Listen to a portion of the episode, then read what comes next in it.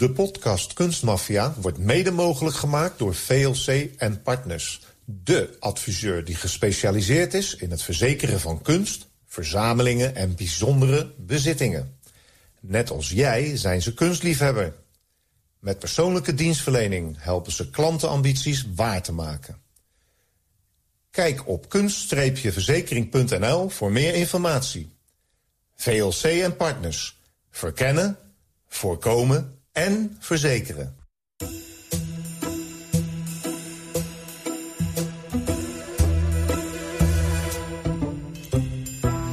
De kroonjuwelen van het Heilig Roomse Rijk zijn al sinds de middeleeuwen gebruikt voor het kronen van Duitse keizers en koningen. Als een inlichtingenofficier van het derde Amerikaanse leger in het voorjaar van 1945 per toeval hoort waar deze symbolisch belangrijke kroonjuwelen verborgen zijn, informeert hij direct generaal Patton en zijn staf. Weken later krijgt hij antwoord. De officier krijgt een bijzondere opdracht. Vind de kroonjuwelen terug voordat het Nuremberg-proces van start gaat. Dit is Kunstmafia, een podcast over roof, vervalsing en zwendel... in de internationale kunst- en antiekwereld. Live vanuit Hilversum tijdens de Dutch Media Week. Met Rick Bouwman en Robert Tettero. Deze keer zaak 22. De zoektocht naar de kroonjuwelen van het Heilig Rooms Rijk. Maar, jeetje, kroonjuwelen, 1945, waar gaat dit over? Nou, deze kroonjuwelen waren de symbolen van de Duitse soevereiniteit... en werden traditioneel gebruikt bij de kroning van de heilige Roomse keizers. Dat begon met Karel de Grote in de 9e eeuw. Waarna een hele reeks middeleeuwse koningen... waaronder Karel V, Maximilian en Frederik Barbarossa... door de paus werden gekroond. Het Roomse Rijk omvatte heel Duitsland, Oostenrijk, Zwitserland, Nederland, België... Tsjechoslowakije en zelfs grote delen van Frankrijk en natuurlijk Italië. De kroonjuwelen werden eeuwenlang bewaard in het kasteel van Nuremberg... en bewaakt door de fenomenale Teutoonse ridders. Nou, je trekt me helemaal de middeleeuwen in. Maar wat zijn nu eigenlijk die kroonjuwelen? Nou, ze bestaan uit 32 delen... maar de belangrijkste zijn de ijzeren keizerskroon... ijzer, want christelijke eenvoud de scepter en de keizerlijke rijksappel. Nou, dat is een bol met een kruis erop. Dat is een beetje, dit is de wereld. Uh, en die symboliseert natuurlijk de geestelijke macht. En dan, voor de echte keizer natuurlijk... Uh, een met diamanten en edelstenen versierde keizerskroon... en het rijkszwaard die wereldlijke macht symboliseren. Nou, het oudste reliek was de heilige lans. De speer waarmee volgens de legende een Romeinse soldaat in de zijde van Jezus stak. 2000 jaar oud. Ja, en dan dat heilige Roomse Rijk. Dat bestond dus ruim duizend jaar, tot 1806. Toen keizer Frans II op last van, en daar komt hij, Napoleon... afstand deed van de titel Heilig Rooms Keizer. Ja, dat was maar plek voor één keizer in Europa. En dat was Napoleon. Vanaf dat moment regeerde hij slechts verder als keizer Frans van Oostenrijk. Een grote teleurstelling. Maar Frans nam wel de eeuwenoude kroonjuwelen mee naar Wenen... om ze uit handen van de kleine Franse dictator te houden. Ze werden bewaard in een vitrine in de Hofburg... wat later natuurlijk een museum werd. Ja, Rick, en in de jaren twintig... toen werden die kroonjuwelen al een keer bezocht... en begeerlijk bekeken door een wel heel bekende... inmiddels jonge schilder genaamd Adolf Hitler... In 1933 kwam Hitler aan de macht en de burgemeester Liebel van Nuremberg pleitte hartstochtelijk en op dringend verzoek van Hitler... dat de kroonjuwelen terug naar Nuremberg moesten komen. De Oostenrijkers gaven daar geen gehoor aan... en dus liet burgemeester Liebel uiterst nauwkeurige kopieën smeden... voor de landelijke NSDAP-partijbijeenkomst in 1934. Maar dan, in 1938, na de Anschluss van Oostenrijk bij Nazi-Duitsland... bracht Hitler tijdens zijn bezoek aan Wenen ook een bezoek aan het Nationaal Museum... om alvast wat topstukken te claimen voor zijn Museum in Linz. window shopping. Ja, natuurlijk. We hebben in de voorgaande afleveringen al gehoord... dat uh, Hitler uh, kunst verzamelde en stal. En ja, hij wees hier gewoon wat aan... wat hij in zijn eigen museum in Liens wilde hebben. En hij kon daar in ieder geval genoeg vinden. Maar goed, niet lang daarna werden de kroonjuwelen dus uit de vitrine verwijderd. Op 6 september 1938 overhandigt Sijs Inkwart... toen nog gouverneur van Oostenrijk... maar later natuurlijk ook zeer bekend geworden in Nederland... en uh, met zijn rol in Nederland. Berucht, zou ik zeggen. En berucht zelfs. Officieel de kroonjuwelen aan Nuremberg voor de eeuwigheid. Ja, en één week later, na die overhandiging... tijdens de zesde NSDAP partijbijeenkomst... die traditioneel in Nuremberg werd gehouden... nou, Rick, even kort... Hitler had gezegd dat München, dat was het hart van de Duitse natie. Berlijn, het brein, het hoofd. En de ziel van Duitsland, dat was Nuremberg. Nou, die kroonjuwelen worden daar aan Hitler getoond... in een wat macabere, Indiana Jones-achtige sfeer. Kent dat wel. We hebben denk ik allemaal daar wel beelden van gezien. En deze partijbijeenkomsten waren massale propaganda-evenementen... met fakkeloptochten, hakenkruisvlaggen parades van bruin- en zwarthemden. Ja, en wat ik zeg, schuimbekkende toespraken van Hitler en Goebbels... voor een uitzinnige menigte. Maar laten we eerst kennis maken met de held van dit verhaal. Walter Horn. Hij werd in 1908 geboren in een dorp nabij Mannheim, in Duitsland dus. Maar hij emigreerde na zijn studie kunsthistorie in 1934... uit weerzin tegen het nazisme. Via Italië, ook toen natuurlijk al fascistisch... reist hij door naar de Verenigde Staten... waar hij werk vindt als kunsthistoricus... aan de prominente Berkeley Universiteit van Californië. Ja, en als de oorlog dan uitbreekt... dan geeft Horn, inmiddels genaturaliseerd en woont in Amerika... zich vrijwillig op voor het Amerikaanse leger. Als vloeiend Duits sprekende Amerikaan... wordt hij bij de inlichtingendienst van het derde leger van Patton aangesteld. Daar werkt hij als ondervrager van Duitse krijgsgevangenen. Zijn eenheid is op zoek naar bewijzen voor de aanmaak en inzet van chemische, biologische wapens... en andere verboden wapens in die tijd. In de lente van 1945 bevindt hij zich in de Ardennen... terwijl de voorhoede van het derde leger al Duitsland intrekt. Ja, en deze Hoorn die had natuurlijk al honderden krijgsgevangenen ondervraagd... toen hij een Frits Huber voor zich kreeg van de Duitse Tweede Panzerbrigade. En deze Huber kwam uit Nuremberg. En zoals vele andere soldaten wist hij eigenlijk niets te vertellen over de geheime wapens. Maar Hoorn vraagt aan het einde van zijn verhoor... of Huber nog iets bijzonders mee te delen had. En toen kwam Huber met het volgende. Ben je geïnteresseerd in kunst en antiek? En deze Huber die had geen idee van Hoorns achtergrond.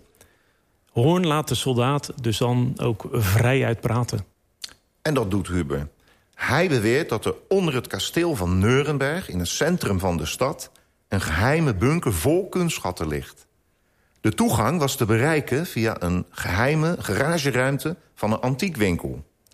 Alleen Heinrich Himmler en de burgemeester van Neurenberg... Liebel, die we eerder genoemd hebben... en zijn directe staf weten ervan. Maar Hoorn gelooft hem niet...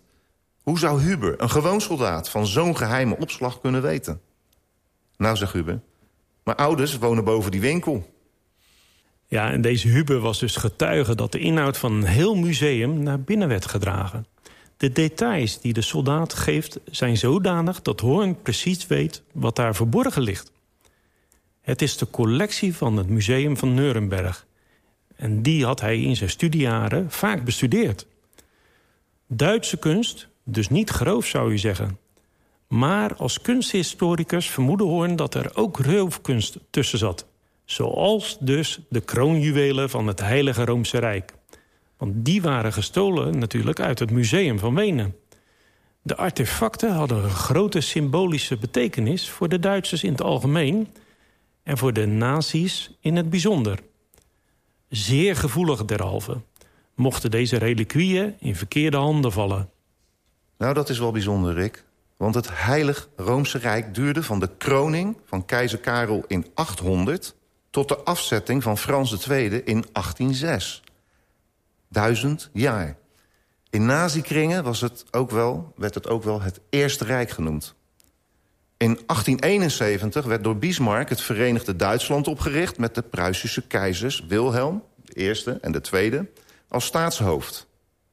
Dit zogenaamde Tweede Rijk duurde dus tot na de Eerste Wereldoorlog in 1918... toen Duitsland pijnlijk verloor, de oorlog. Voel je hem aankomen, Rick? Zeker.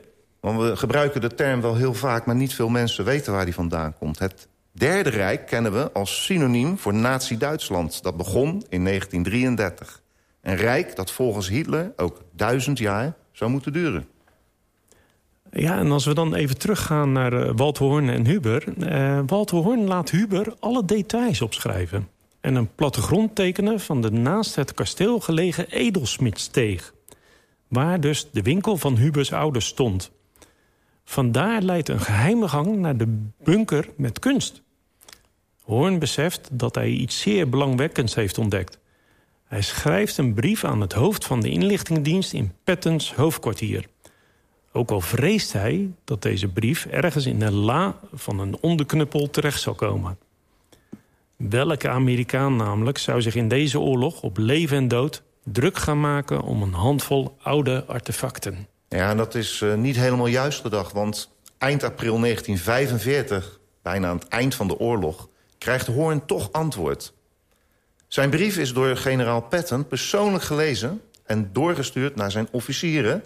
die na een zware belegering en man-tot-man straatgevechten... Nuremberg hebben ingenomen.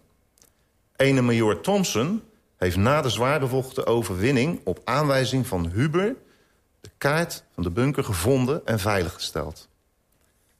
De inventaris van het museum is ongeschonden teruggevonden... maar de belangrijkste kroonjuwelen zijn niet aangetroffen. Ja, en dan wordt deze hoorn wordt per direct eigenlijk aangesteld door de Monuments Man. Nou, de Monuments Man. Die kennen we van de film, hè, een bekende film. En de Monuments Men, ja, dat waren degenen die door de geallieerden werden aangesteld... voornamelijk Amerikanen en Britten... om alle kunstschatten die geroofd waren door de nazi's terug te vinden. Ja, en deze monumentsman die had het eigenlijk uh, te druk op dat moment. Uh, want in de veroverde gebieden moesten ze uh, ja, het terugvinden van die geroofde kunstschatten. Denk dan bijvoorbeeld aan Nooy-Swanstein, de zoutmijnen, Karinhallen... en de treinen van onze Herman Keuring uiteraard. Ja, we hebben ze allemaal een beetje behandeld in de vorige afleveringen. Ja, en de geheime bunker in Nuremberg... die stond echter niet in de boeken van onze Roze Verlan... En die hebben we ook besproken. Ja, dat klopt. Roos Valland die, uh, werkte uh, met de nazi's, maar was tegen hun natuurlijk... in uh, het Jeu de Pomme in Parijs... waar alle kunst verzameld werd die gestolen werd in Frankrijk. En zij heeft eigenlijk door alles te noteren... al die locaties teruggevonden in Duitsland. En na enige tijd overhandigt ze dat aan de Monuments Men... en die gaan dan zoeken, ja, op één plek na. Ja, want de geheime bunker van Nuremberg... die was helaas niet uh, bekend bij Roze van Al. En de monuments konden dus niemand uh, vrijmaken. Maar gezien dat Hoorn een kunsthistoricus is... kan hij deze zaak wellicht zelf helemaal oplossen. En dat gaat hij dan ook proberen. Want met een jeep, een eigen chauffeur... en een door Eisenhower ondertekende brief... waarin zijn missie omschreven staat haast de luitenant zich door het verwoeste Duitsland op weg naar Nuremberg. En zijn opdracht is... vind de kroonjuwelen terug voor het tribunaal begint... met de vervolging van de nazi-top.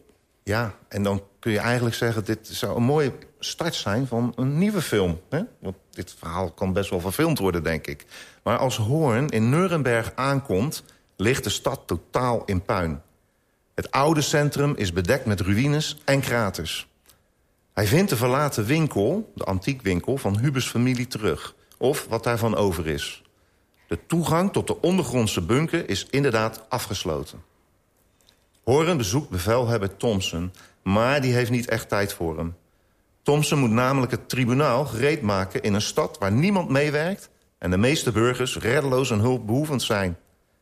De geïrriteerde Thompson herhaalt dat zijn mannen de ingang naar de bunker... onbewaakt, maar afgesloten terugvonden. De toegang tot de kluis was intact en verzegeld tot hij aankwam. So what the heck? Ja, maar dan heeft Hoorn toch een vermoeden. Want hij vermoedt dat de nazi's de kroonjuwelen uit de kluis hebben verwijderd... voordat de Amerikanen de stad innamen. Na veel aandringen gaat Thompson overstag om met Hoorn om de bunker te inspecteren. De ondergrondse ruimte, een oude bierkelder trouwens... is uitgerust met een klimaatbeheersingssysteem... dat net zo goed is als de topmusea van die tijd. In verschillende kamers ligt een enorme schat aan kunst en antiek opgeborgen. Tot Hoorns verrassing heeft de ex-secretaris van burgemeester Liebel... en die heet Albert Drykorn, deze ex-secretaris...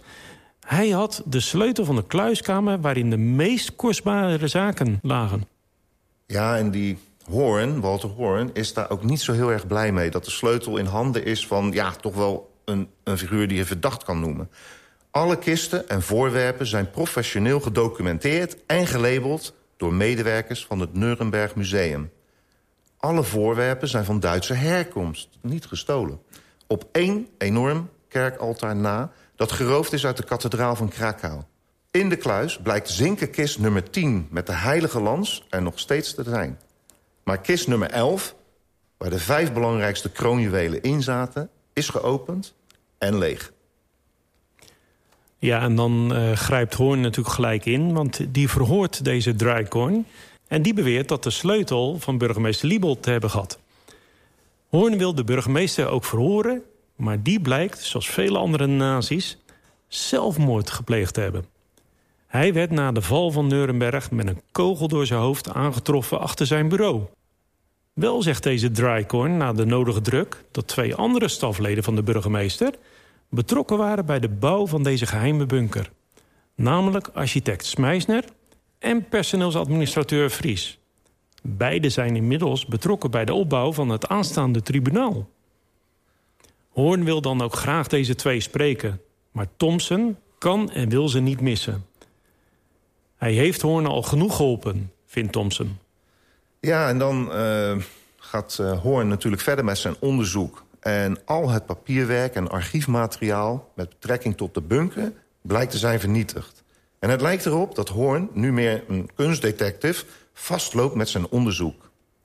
Hij gaat te raden bij de CIC, de toenmalige geheime Amerikaanse inlichtingendienst... die op vluchtende nazi's joeg. Van hen hoort hij over een plan van Himmler en Kaltenbrunner... ook een uh, persoon die we in een van de voorgaande afleveringen hebben geïntroduceerd... om een actief verzet van neonazis op te richten. Dat bleek al snel kansloos, want de meeste nazi's vluchten via de Red Lines... via Duitsland naar Zuid-Amerika. Red Lines, Rick. Niet R-E-D, maar R-A-T.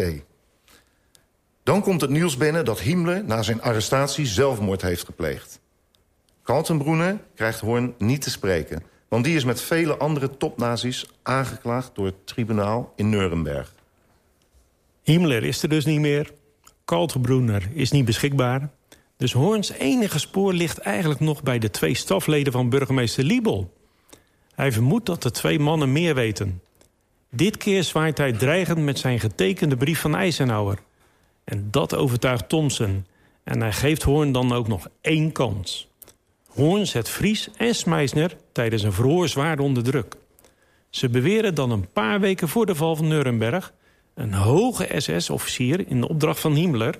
de reliquieën heeft opgehaald uit de kluis.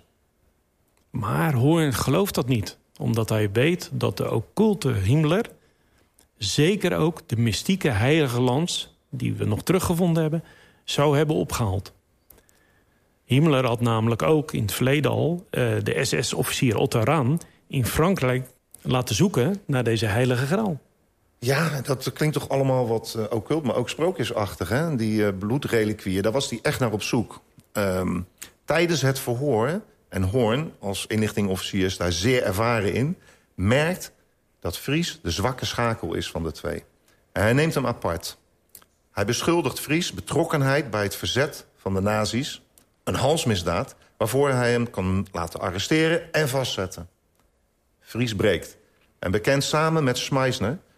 in opdracht van de fanatieke Liebel, hun burgemeester en baas... de kroonjuwelen te hebben weggehaald uit de kluis. Zij waren ook in het bezit van een sleutel...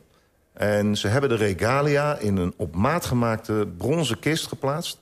in een tas gestopt en per fiets, per fiets... naar een verlaten school in de buurt gebracht. En daar zijn ze in een ondergrondse ruimte ingemetseld. Ja, en Den Hoorn gaat met Thomson, Fries en een groep bouwvakkers naar de school. Fries en Smeisner hadden de juwelen achter een half meter dikke cementen muur verborgen. Na uren gehak vindt Hoorn een aantal bronzen kisten... waarin deze vijf kroonjuwelen verborgen zaten. De rijksappel, de scepter, de kroon, het rijkszwaard en het ceremoniële zwaard. Hoorn heeft zijn opdracht succesvol ten einde gebracht. En hij wordt dan ook gepromoveerd tot kapitein. Ja, en in de nasleep van deze opgeloste zaak... wordt het rechtmatige bezit van de kroonjuwelen hevig betwist. De Duitsers willen ze behouden omdat ze vier eeuwen lang... in het kasteel van Nuremberg lagen. En stellen dat ze in 1806 illegaal in handen van de Oostenrijkers kwamen. Maar Oostenrijk wil ze terug hebben omdat ze geroofd zouden zijn... uit het Hofberg Museum. En dat wordt ondersteund door een rapport van de Monuments Man. En dan is daar ook nog dat achter de schermen een generaal Patton claimt... de kroonjuwelen eh, voor de Verenigde Staten beschikbaar te willen stellen.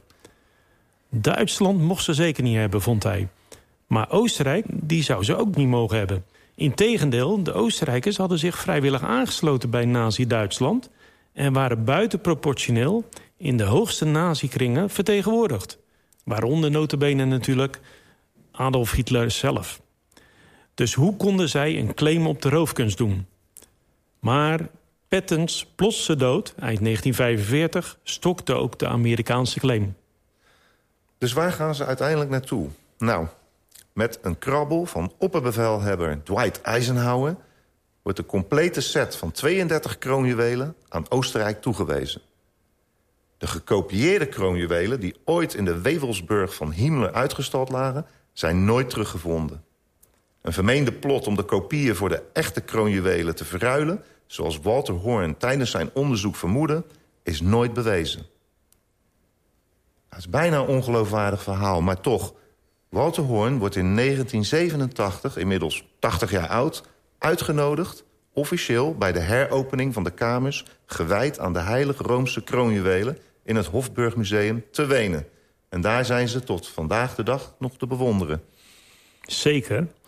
Maar als we nog even terugkomen dan op Sidney Kirkpatrick...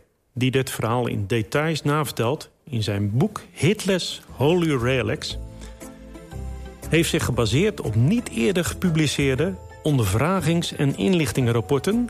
dagboeken, brieven en interviews in de Verenigde Staten en Duitsland. Zowel Horn als Patton geloofden beiden dat Hitler als hij de wereldheerschappij had bereikt... zich had willen kronen tot keizer van Nazi-Duitsland. Nou, dan vraag ik me af, joh, is dat eigenlijk wel geloofwaardig, Rick? Maar ja, het staat in de boeken en in het boek wat Sidney Kirkpatrick geschreven heeft. De Amerikanen wilden dat er geen enkel symbool, zoals graven of monumenten... aan de nazi's zouden herinneren. En dus gingen de kroonjuwelen, zoals gezegd, terug naar het museum in Wenen. Of Hitler ooit een plan had zichzelf te kronen, dat is een wilde gok. Maar goed, die andere kleine dictator, Napoleon, heeft het ook gedaan. Eigenhandig. Anderhalf eeuw eerder.